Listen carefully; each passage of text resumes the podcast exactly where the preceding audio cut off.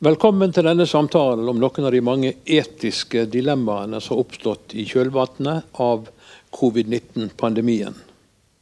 Dette arrangementet foregår i regi av Vestlandsavdelingen av Norsk Penn. Og mitt navn er Jan H. Landro. Norsk Penn er et underbruk av Penn International, som ble etablert for akkurat 100 år siden i år og som arbeider for ytringsfriheten i alle dens former. Så hvis noen av dere ikke er medlemmer, så er det på høy tid dere blir det.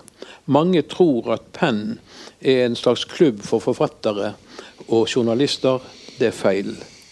Det er en organisasjon for alle som er opptatt av ytringsfrihet, og som er avhengig av ytringsfrihet i en eller annen form, i arbeid eller hva det måtte være. Så var det sagt. Og til å samtale om de vanskelige eh, pandemiprioriteringene som nå har ridd oss i ja, sånn ca. 14 måneder, har vi invitert nærmest meg Reidun Førde. Hun liker ikke at jeg sier dette, men jeg sier det likevel. Hun er Norges fremste ekspert på medisinsk etikk. Og du må bare holde munn. Og så har vi filosofiprofessor og ekspert på globale helseprioriteringer, Espen Gamlund, Universitetet i Bergen. Og jeg vil tro at mange radiolyttere kjenner han fra, i hvert fall stemmen hans, fra Verdibørsen på NRK P2.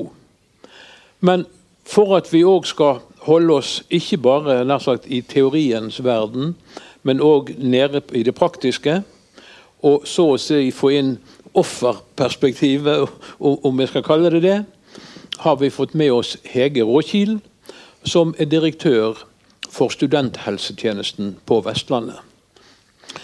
Aller først Fins det ett prinsipp som bør overstyre alle andre hensyn i forebygging og vaksinering?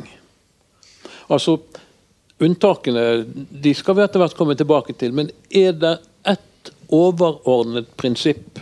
Ja, kan jeg svare? Det er det du kan. Ja, Det er jo et det vanskelig spørsmål, syns jeg. For det, det, som preger denne pandemien, eh, det, og det går jo opp for oss i stadig større grad, det er jo kompleksiteten i dette her. Mm. At når du, når du velger å legge vekt på noe, så, så, er det andre ting som du må, må komme lenger bak i køen. Men eh, hvis, du, hvis, du, spør hva er, det, hva er det, det viktigste prinsippet, da? For ja. meg ja. så er det å beskytte de mest sårbare. Mm. Hva sier dere to andre? Ja, nei, jeg tenker at det øh, høres veldig, veldig riktig ut, og tenker det samme.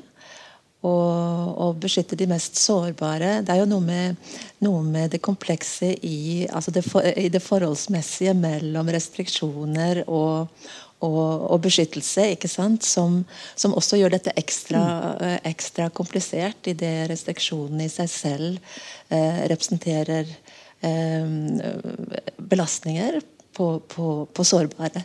Så det er noe med at grupper av sårbare kan fort komme litt sånn i et motsetningsforhold i, i dette bildet også. Mm. Ja. Jeg tenker også at det prinsippet om å prioritere de dårligst stilte eller de mest sårbare har intuitivt mye for seg. Mm. Uh, allerede tidlig i pandemien så måtte vi gjøre en avveining mellom å holde samfunnet åpent, med den fare for at det uh, påfører uh, gamle og sårbare smitte og, risiko for død, versus det å, stenge ned samfunnet for å beskytte de gamle og sårbare. Med den, den faren at vi da påfører andre grupper av samfunnet Eh, kostnader og byrder. Eh, og i de gruppene kan det også være sårbare mennesker. Slik at Dette får jo fram på en måte dilemmaene som eh, ikke bare norske regjeringer, men regjeringer i alle land møtte veldig tidlig. Hvordan skal vi trekke opp denne balansegangen? Ja, og Så kommer jo spørsmålet, når, når, du sier en sånn floskel som at vi skal beskytte de mest sårbare, eh, så kommer jo spørsmålet hva sårbar, hvordan sårbar? Mm. Eh, og og eh, jeg var med å lage de prioriteringskriteriene, eller iallfall lage et grunnlag for det eh, når det gjaldt vaksine. Eh, som, som, jo la veldig vekt på liv og helse, og det mener jeg fortsatt var et godt råd. Men så har vi jo sett etter hvert som pandemien har, har vart, da, at, at ja, liv og helse, ja, det er viktig, men så er det mange andre som da er sårbare av andre grunner, som ikke akkurat handler om risiko for død, men, men risiko for uh, et forferdelig liv og, og, og en forverring av, av, den psykiske og sosiale helsa, for å si det sånn. Og, og, jeg greide iallfall ikke å, å forutse alt dette i starten av denne pandemien. Mm. Og det, det, er nok mange som tenker det at, at en ikke har forutsett det. ikke sant? Og jeg tenker at uh, I forhold til studenter som, jeg, som er mitt uh, perspektiv i dette her, så, så, tenker jeg at de i utgangspunktet for så vidt også var definert som en litt sårbar gruppe knytta til, uh, til, psykisk helse mm. og, og ja, ulik type Eh, problematikk. Og det er vel noe av det som kanskje oppsummeringen i den eh, Peder Kjøs-gjennomgangen nå sier, at, at, det er kanskje de som i utgangspunktet hadde det vanskelig, som har fått det vanskeligere. ikke sant? Og at det er kanskje noe av den det som en eh, ikke kunne forutse, i den grad som en ser bildet nå. da. Etter 14 måneder så vet vi jo atskillig mer enn vi gjorde 12.3 i fjor. Eh, da hadde vi kanskje et bilde av hvem vi mente var sårbare, og hva vi forsto med å være sårbar. Det bildet har vel endret seg ganske kraftig. Ja, vi så vel, vel, fikk rask kunnskap om hvem som er, har størst risiko for sykdom og død eh, av covid-19. Og Det ble jo da avgjørende for hvilke tiltak og prioriteringer man gjorde. Eh, og så har jo dette for så vidt Det har ikke endret seg så veldig mye hvem som er i risikosonen. Vi har fått litt, litt mer kunnskap, og det har blitt litt mer nyansert. Men, men, det er fortsatt slik at de som er aller eldst, eh, har hatt størst risiko for alvorlig sykdom og død. og det, Da ble det lagt føringer helt fra starten at da må det viktigste oppgaven vår må være å beskytte de slik at vi hindrer flest mulig dødsfall og på den måten på måte redde flest mulig liv. Da, uh, så det, da ble det viktig å prioritere de kortsiktige uh, tiltakene knytta til å, å, å, forhindre dødsfall. Men så visste vi jo, ante vi vel da at på lengre sikt så vil jo disse tiltakene ha andre typer indirekte kostnader lenger ut som ikke vi vet helt ennå. som vi må skaffe oss kunnskap om. Og så begynner vi å få den kunnskapen nå, eh, bl.a. undersøkelsen om studentene. Hvordan de har taklet det. Uh, kunnskap om hvordan dette har rammet ulike sektorer i samfunnet. Ulike grupper av samfunnet. Kulturlivet, næringslivet, barn, ungdom, studenter osv. Så, videre. så etter hvert som vi får et bedre kunnskapsgrunnlag, så kan vi jo trekke mer konklusjoner i retrospekt. Var det riktig å gjøre sånn og sånn i de og de ulike fasene av pandemien? Men jeg tror vi fortsatt mangler mye kunnskap som gjør at vi kan trekke de, de endelige konklusjonene. Men at vi kommer til å se tilbake og si at der burde vi gjort noe annerledes, det er ganske åpenbart. Mm. Hege, du har jo ferske tall når det gjelder studentenes situasjon. Ja, det, det har jeg. Vi, eh, vi har siden 2010 eh, hatt en stor undersøkelse eh, vedrørende studenters helse og trivsel. Eh, SHoT-undersøkelsene. Sånn at vi, eh, som vi kjører hvert eh, fjerde år, og har gjort siden 2010. Og da i 14-18. Og neste eh, ordentlige, ordentlige store undersøkelse er i, i, i 22. Men etter en del henvendelser så kjørte vi en ekstraundersøkelse nå i, i, i, vår. Rett og slett for å prøve å fange opp hvilke eh, utslag pandemien hadde gjort på studentenes situasjon og helse og, og, og trivsel. Og det er ikke veldig mange dagene siden, eh, siden den, eh, de dataene ble offentliggjort. Og da var det jo også litt sånn Bakgrunnsbildet her er at studenter etter at vi begynte å undersøke dem, viste seg å være noe mer sårbare for f.eks. psykiske plager enn tilsvarende aldersgruppe i befolkningen for øvrig. Så vi var veldig spente på hvordan, hvordan dette bildet ville se ut. Og, og, og, og, det er jo ingen tvil om at eh, de dataene som fremkommer jeg kan si Det er eh, de tre store samskipnadene eh, som, som, har ansvar for undersøkelsen. Men selve gjennomføringen er det Folkehelseinstituttet som gjør mm. for oss. Og de dataene viser jo at, at det er en ganske kraftig økning da, i, i, i eh, altså psykiske plager, ensomhet vi ser at eh, studentene i veldig stor grad savner kontakt med medstudenter og med forelesere.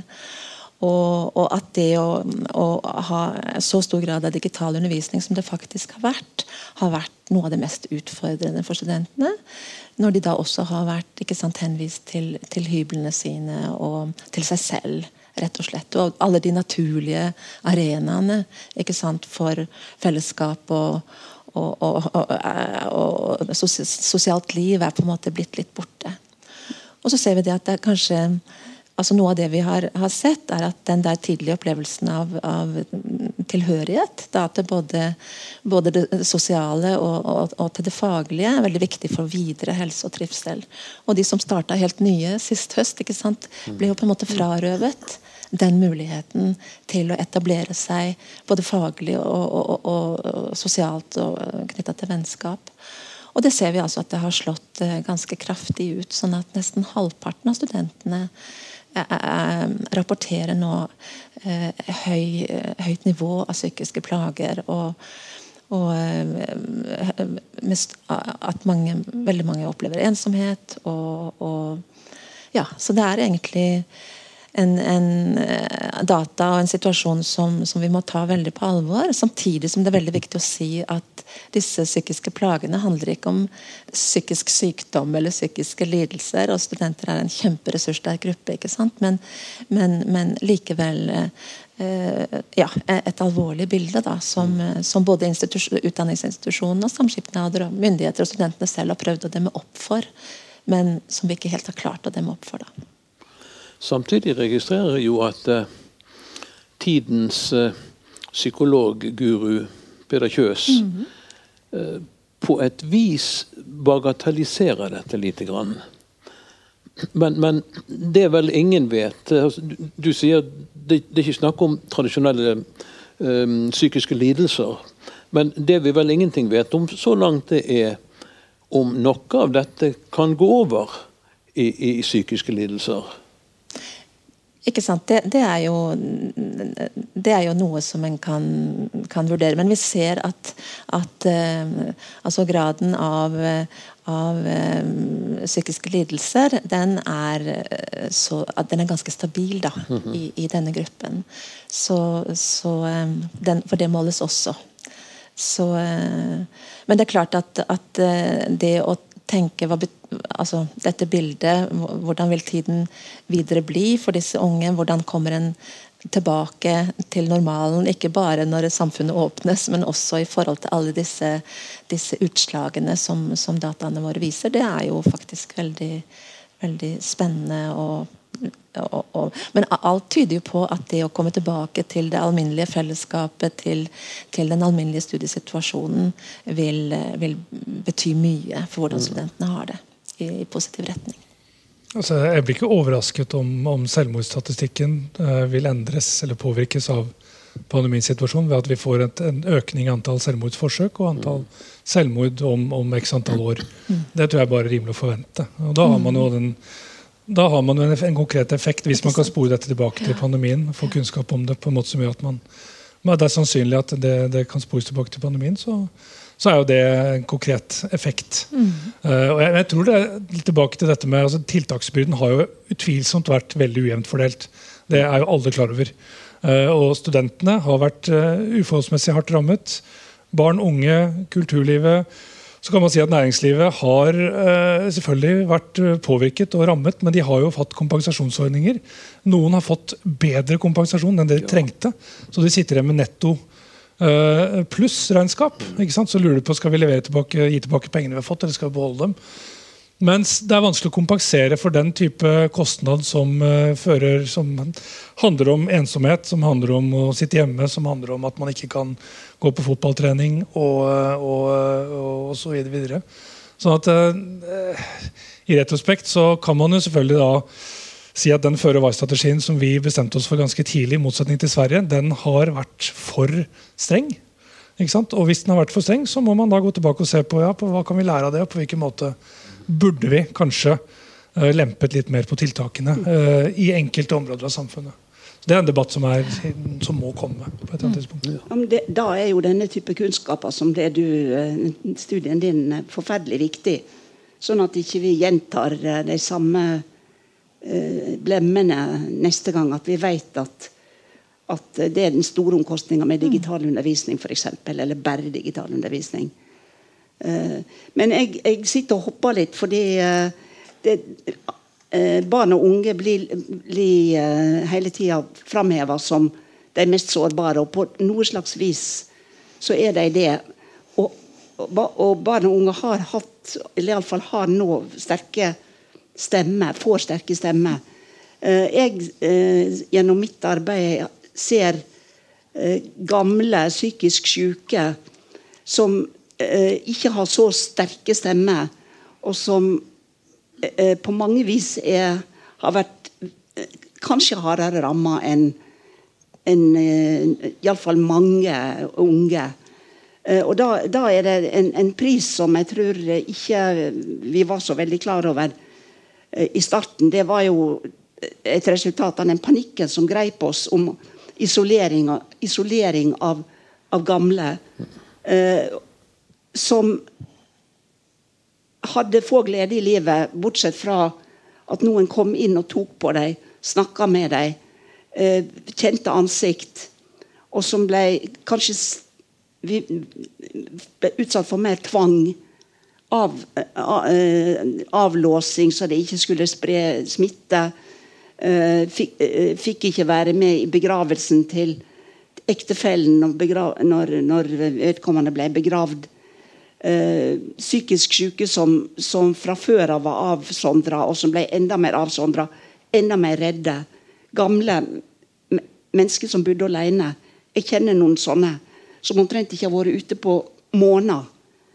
Eh, fordi de, de, er så gira på død og fordervelse.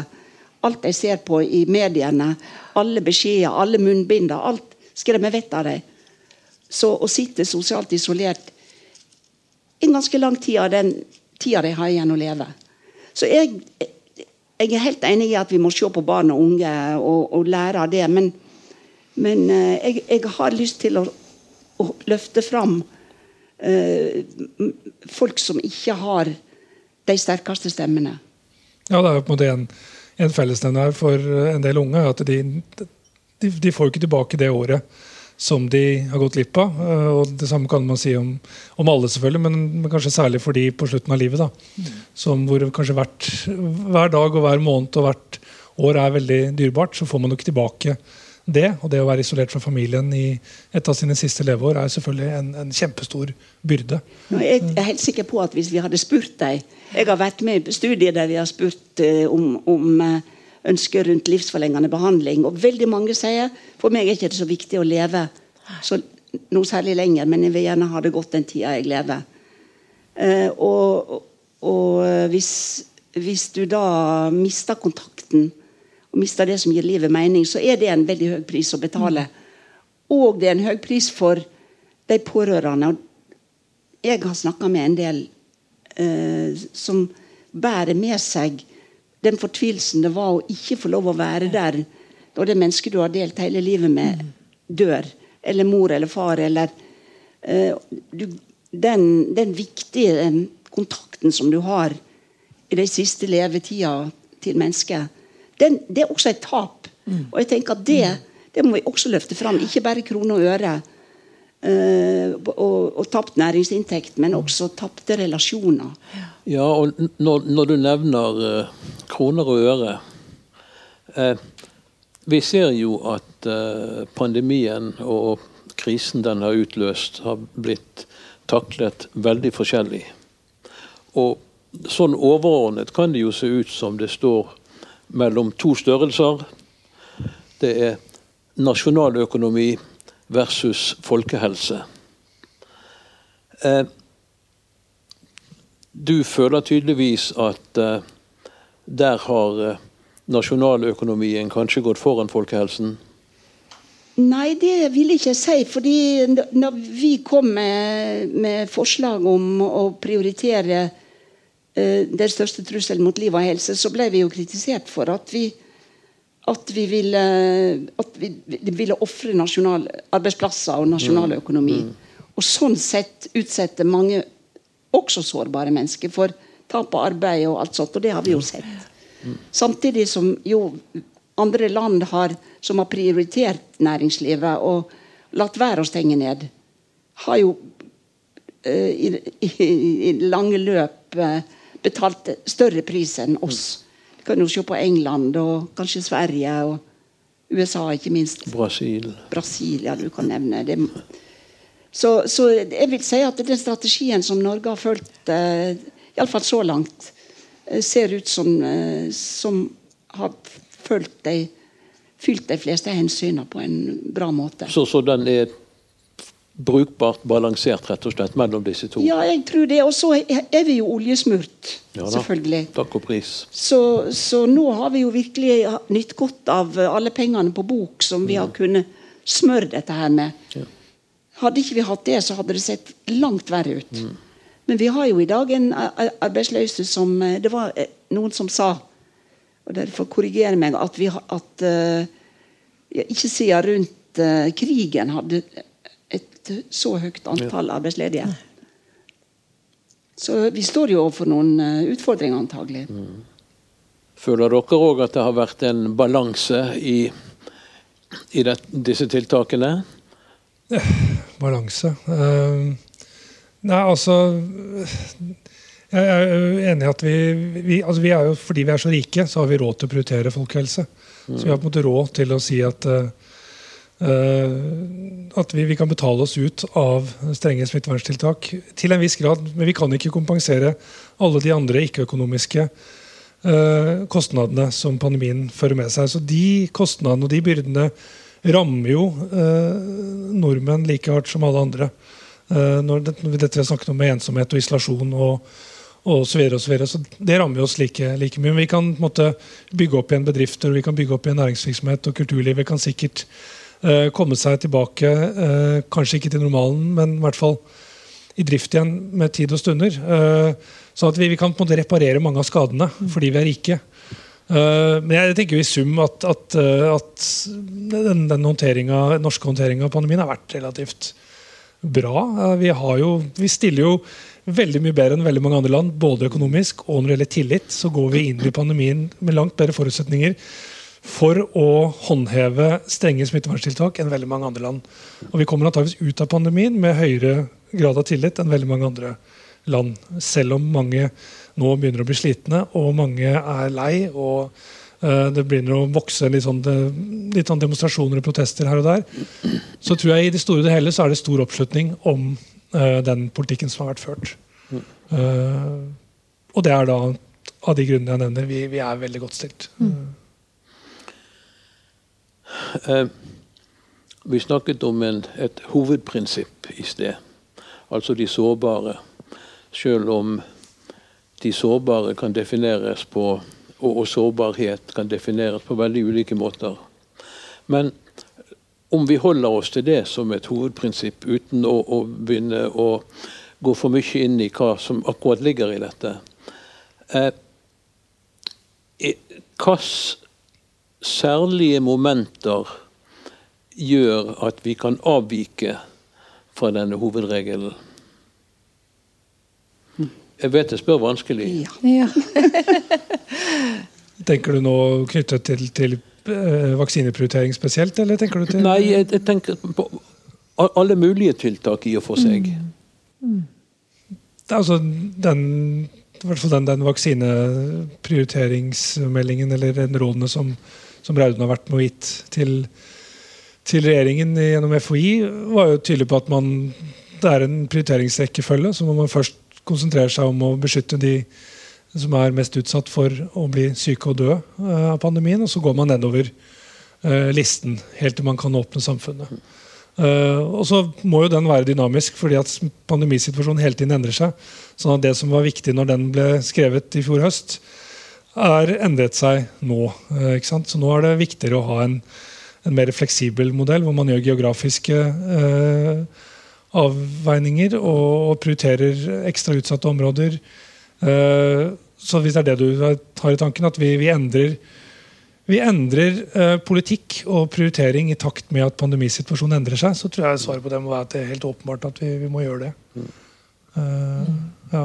Og at en skjevfordeling, geografisk skjevfordeling er, kan forstås i dag, men det kunne kanskje vanskeligere forutses i fjor høst. Mm. Jo, det var faktisk noe vi var inne på, men som, som ikke ble løfta ut av det vi skrev. Nei. det at, uh, at det, det, burde vurderes en geografisk uh, ja. fordeling. Men også det var jo argumentert eller argumentasjonen var at, at der det er eh, stor smitte, så skal en kanskje gi mer vaksine fordi det prinsippet under var å beskytte de mest sårbare og utsatte. Mm. Der òg. Mm. Men spørsmålet var hvordan beskytter vi dem. Ja. Ja, så visste vi jo ikke om vaksinen hadde effekt eh, Nei. på eh, smittespredning. Nei. Nå vet vi jo mer om det enn det dere gjorde, ja. så dere la vel til grunn en veldig sånn forsiktige antakelser om det. Ja. Mens nå vet vi jo ganske mye mer, og det er et god grunn til å tro at den har veldig god effekt mm. på smittespredning.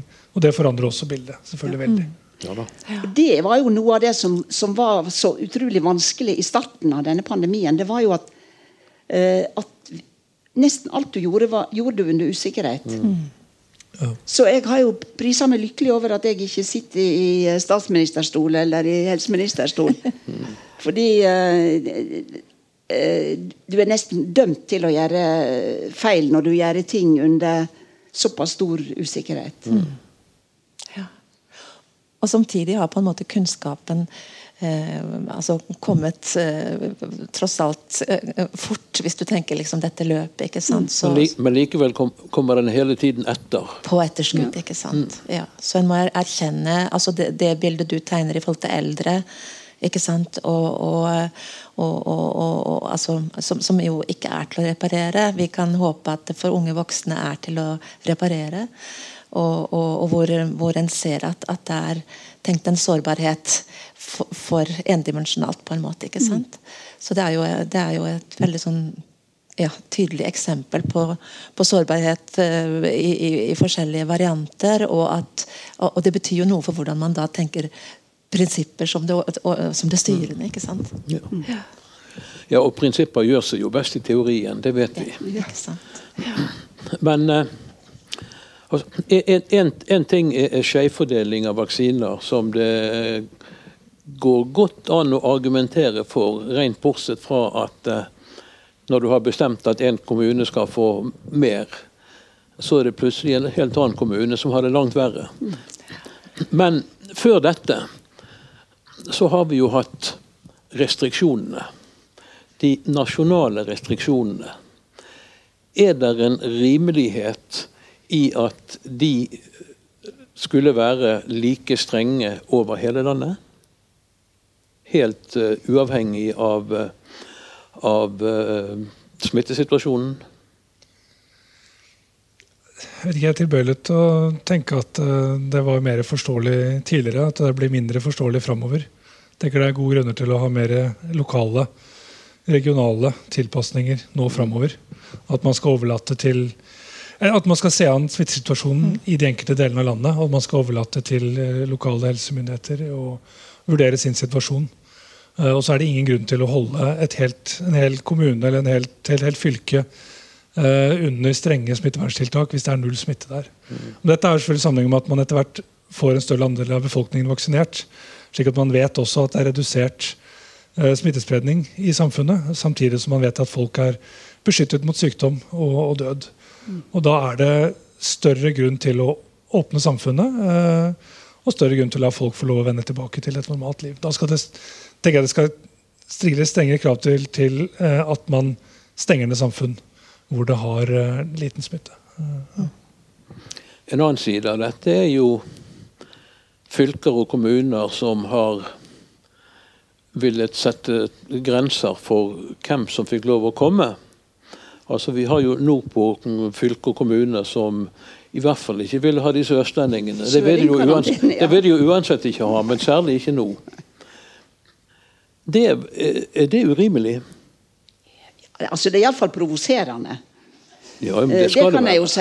Jeg har, har slektninger i Tromsø, og, og det, et øyeblikk så var, var det søringkarantene, og neste øyeblikk så hadde de jo fått høy grad av smitte. Mm. Så Men vi har, jo, vi har jo karantene, så vi har alle slutt, eller restriksjoner på innreise fra andre land. Ja. Så det der er jo noe vi må Eller en må se på når en skal gå gjennom alt. Mm. Men jeg tenker det, det spørsmålet ditt om det var, altså, var det riktig å utsette hele nasjonen for de samme ja. restriksjonene. ikke sant? Det, det, altså, det, kan jo være at det var, altså, at det var et rasjonale for det. ikke sant? I, I, utgangspunktet all usikkerhet tatt i betraktning. ikke sant?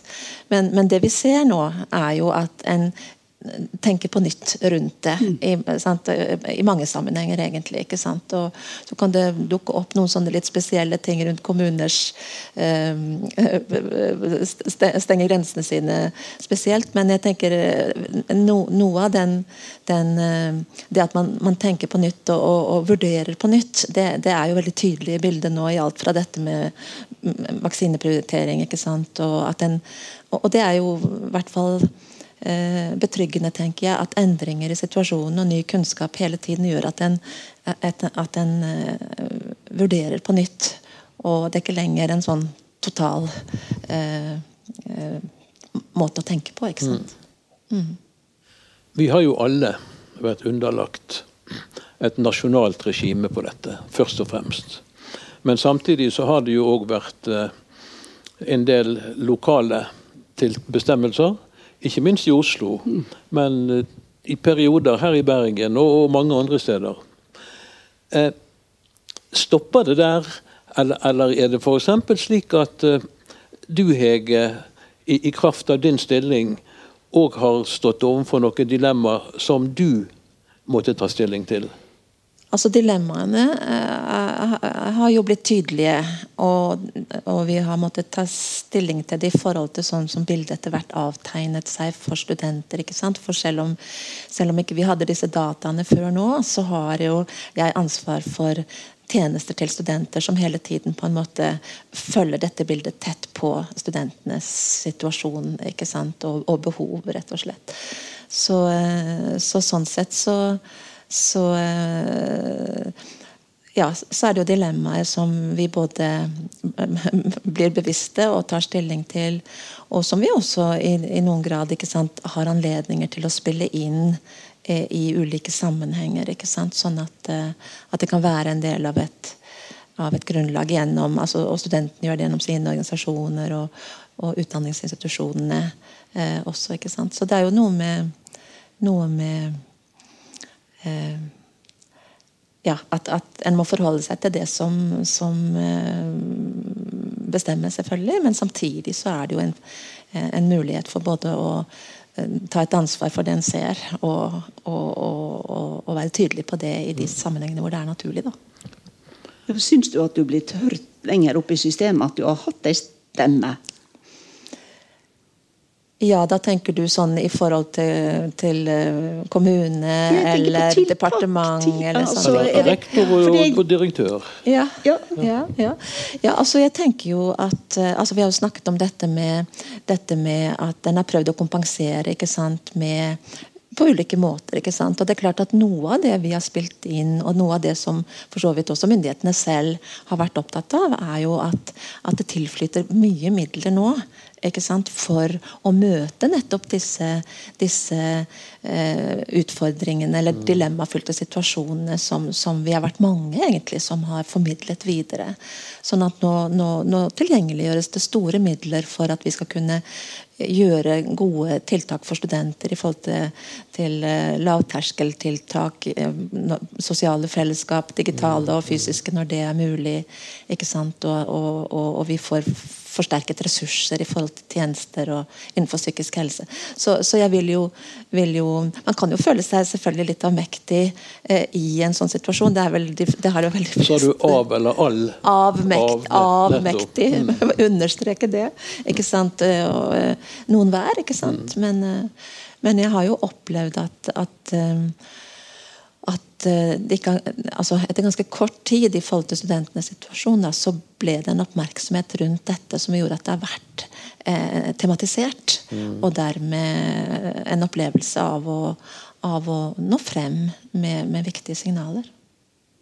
Men det du snakker om, det er jo egentlig bare en, en, eh, lapping på elendigheten. Eh, spørsmålet mitt var mer eh, har, har, har, vi som jobber ute i virksomheten, blitt hørt oppover i systemet når, mm. når myndighetene eh, kommer med, til, med rådene sine og direktivene sine. Men, men hvem, hvem, er dette vi du nå snakker om? Jeg tenker at uh, ja. At, uh, at uh, disse Du er jo et helt vi alene. Ja, ja, nei. Jeg er bare sogning. Ja. Ja, nei, Det er mer sånn at, at, eh, at, eh, det er myndighetene som har vært dømt til å komme med tiltak. Ja, ja. Mm. Og, så, eh, og så Spørsmålet mitt var, var mer eh, har, har, har, informasjon gått den andre veien? Altså nedenfra og opp? Ja. Har vi, har vi ja, Folk som står ute i helsetjenesten, mm. som står ute i i, i skoler og i eh, studentsammenhenger og alt, det, har det vært en lydhørhet den veien der som i en grad sånn at, at det har prega eh, råda og, og direktiver som har kommet. Det har vart lenge nå. Ja, ja.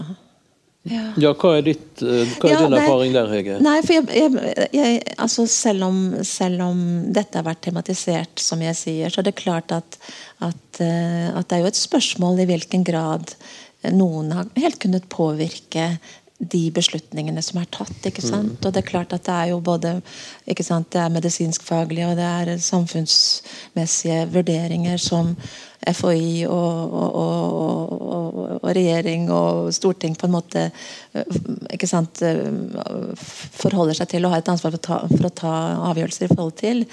Og, der tenker jeg at, at det ikke har vært så lett å, å, å, å formidle på den måten som du nå beskriver eller spør.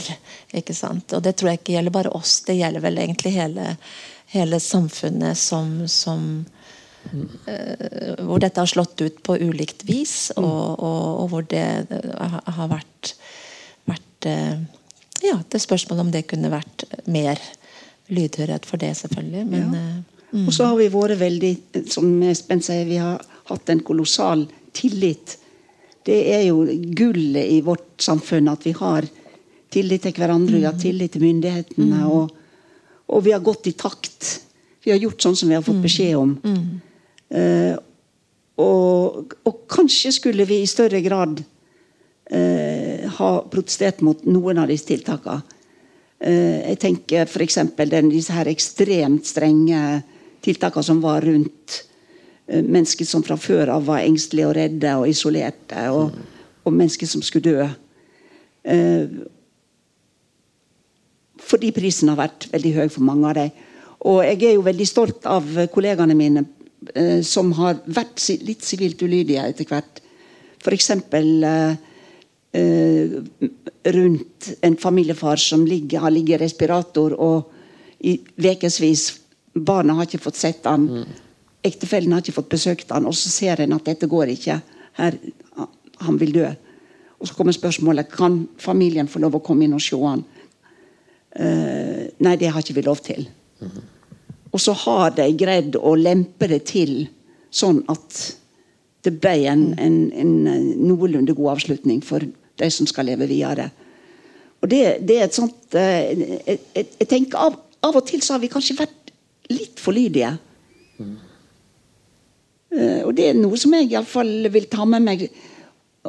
Samtidig som, som, det er jo nettopp det at vi har fulgt smittereglene. Og vi, vi bruker munnbind, og vi, vi, vasker oss og spriter oss. i Og alt dette her, her som er, gjør at vi kanskje har kommet så godt ut. Så det er tvetydig, dette her. Men, mm. men, det er klart det er alltid en fare for at vi blir for flinke til å gå i takt òg. Mm.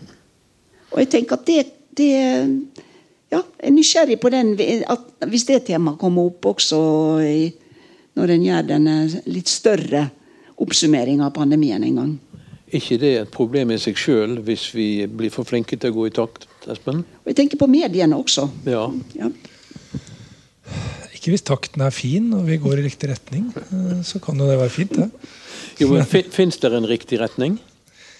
Nei, altså, Eksempelet til Raudun er, er, jo selvfølgelig godt. Det fins mange sånne enkeltstående eksempler som liksom, i sum tilsier at, eh, at, eh, det har vært for rigid regelverk i mange sammenhenger som har påført folk store, store kostnader og byrder. Det er ikke noe tvil om. Så ja, vi har helt sikkert, kunne helt sikkert lempet litt og vært litt mer fleksible. Eh, men det er klart de som står i, i førstelinje og skal håndheve disse reglene rundt om på sykehusene og sykehjemmene, og sånn, de syns sikkert også det er vanskelig å balansere hensynet til enkeltpasienter med hensynet til de reglene de har uh, får tredd uh, ned over hodet på seg. ikke sant? Så det, ja, det, er, det, er, vanskelig. Ja. Og det, det, er veldig feil også å kritisere. og jeg tenker de, de virkelige heltene mine det er de som har vært ute på sykehjemmene, som fikk lite smittevernutstyr. Det gikk nesten alt til, til sykehuset sykehusene i starten. Alt var fokusert på intensiv og respirator og alt dette her. Som det aldri ble den helt store krisa.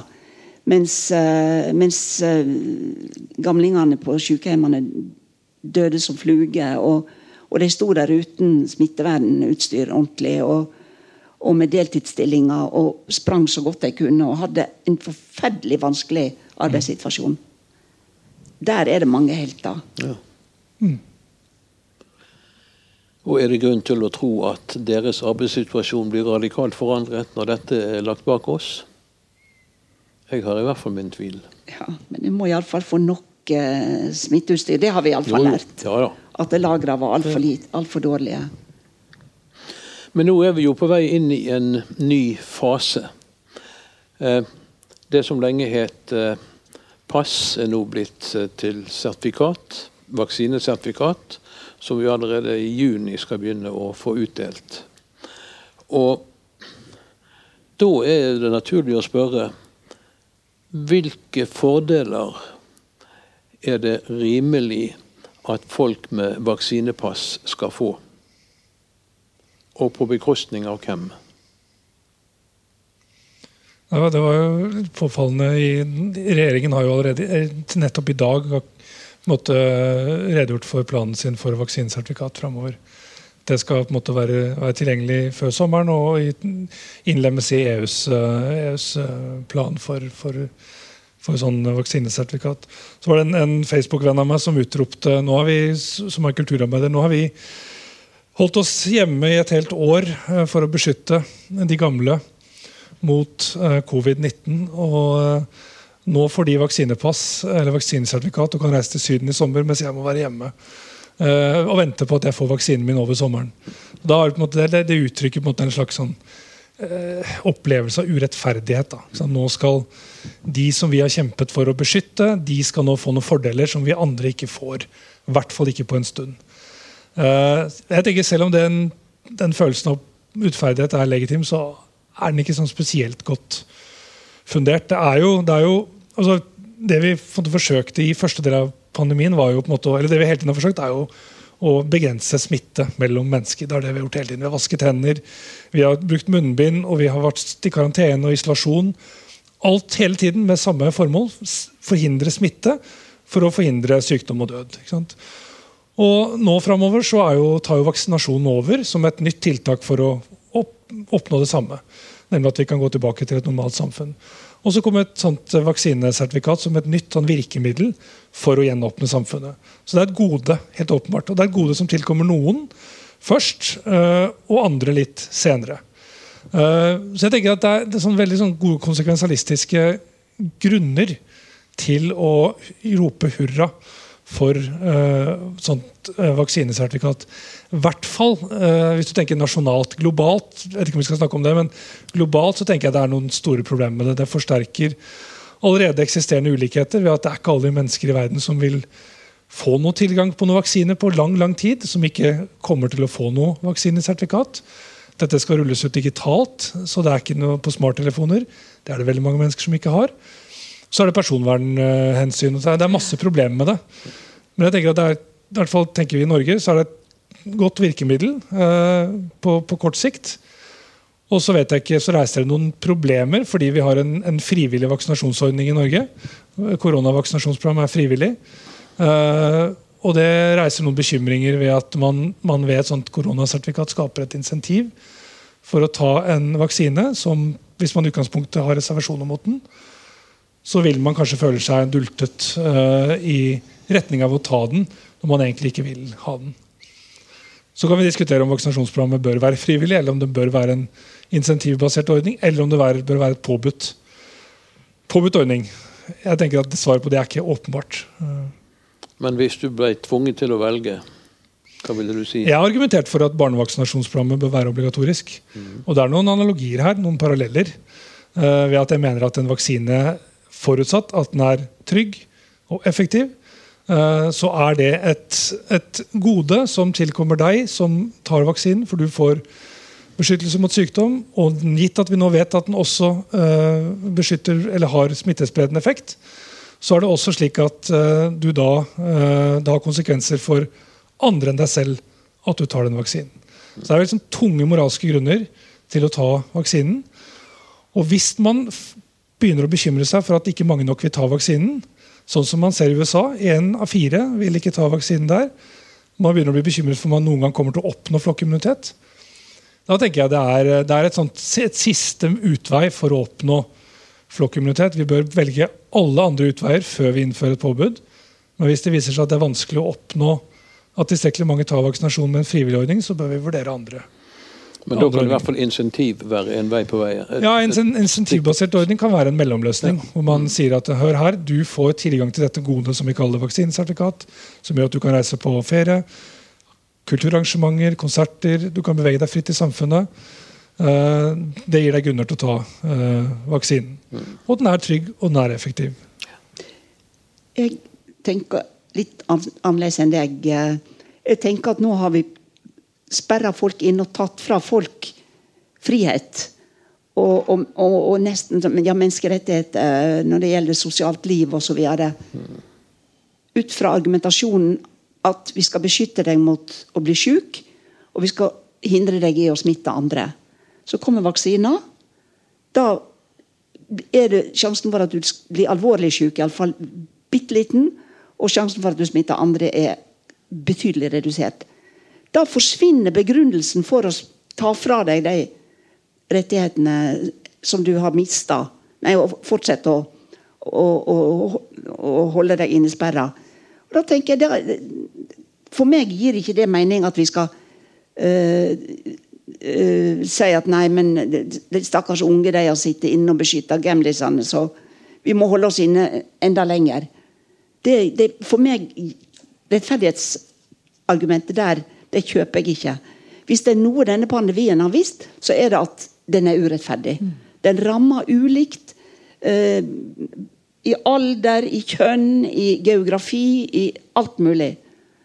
Så jeg ser eh, veldig sånn konsekvensialistisk på dette her. Jeg tror at koronasertifikatet er en måte å gi folk tilbake friheten på og åpne opp samfunnet. Og det vil tjene alle.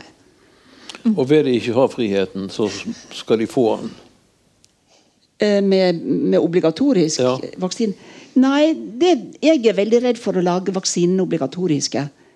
Uh, I Norge så har vi hatt uh, frivillige vaksine, vaksinepolitikk i alle år. Ja. Også barnevaksinasjonsprogrammet. Og vi har egentlig en, en blant de høyeste prosentvise andeler vaksinerte i verden, tror jeg. Mm. Det fins masse rare folk ute som har knytta konspirasjonsteorier til vaksine. Eh, og jeg tror at hvis vi, hvis vi, lager det obligatorisk, så tror jeg at det kan underminere den tilliten som tross alt den store flertallet av norsk befolkning har til eh, helsevesenet og, og, de tiltakene de anbefaler. Så der ser jeg helt forskjellig eh, på det, Espen. Nei, men Det er jo som jeg sier, en siste utvei. da. Det, vi, vi, bør vurdere alle mulige andre tiltak først. Det er et viktig sånn, prinsipp, tenker jeg. at eh, at eh, det som oppleves som tvang, det skal være en siste, siste utvei. Mm. Og et, et, et, påbud om å ta koronavaksinen vil oppleves som en, en urimelig inngripen i menneskers liv for veldig mange. Uh, men det er ikke så veldig stor inngripen, egentlig. altså Et lite nålstikk er jo på en måte en, et bitte, det er et gode. Det man, hvis man snur på så er det et gode for deg, og det er et gode for resten av samfunnet. Uh, men det oppleves som et onde fordi man forestiller seg at man sitter fastbundet til en stol, og, og legen eller sykepleieren som stikker, stikker nålen i deg. Men det er jo ikke sånn det er. Du kan jo ikke fysisk tvinge folk til å ta en vaksine. Så det du må gjøre, du må utvikle noen, noen uh, noen virkemidler. Eh, litt sånn eh, pisk og gulrot. Eh, for en, en gulrot for de som tar vaksinen, og en pisk for de som ikke tar den.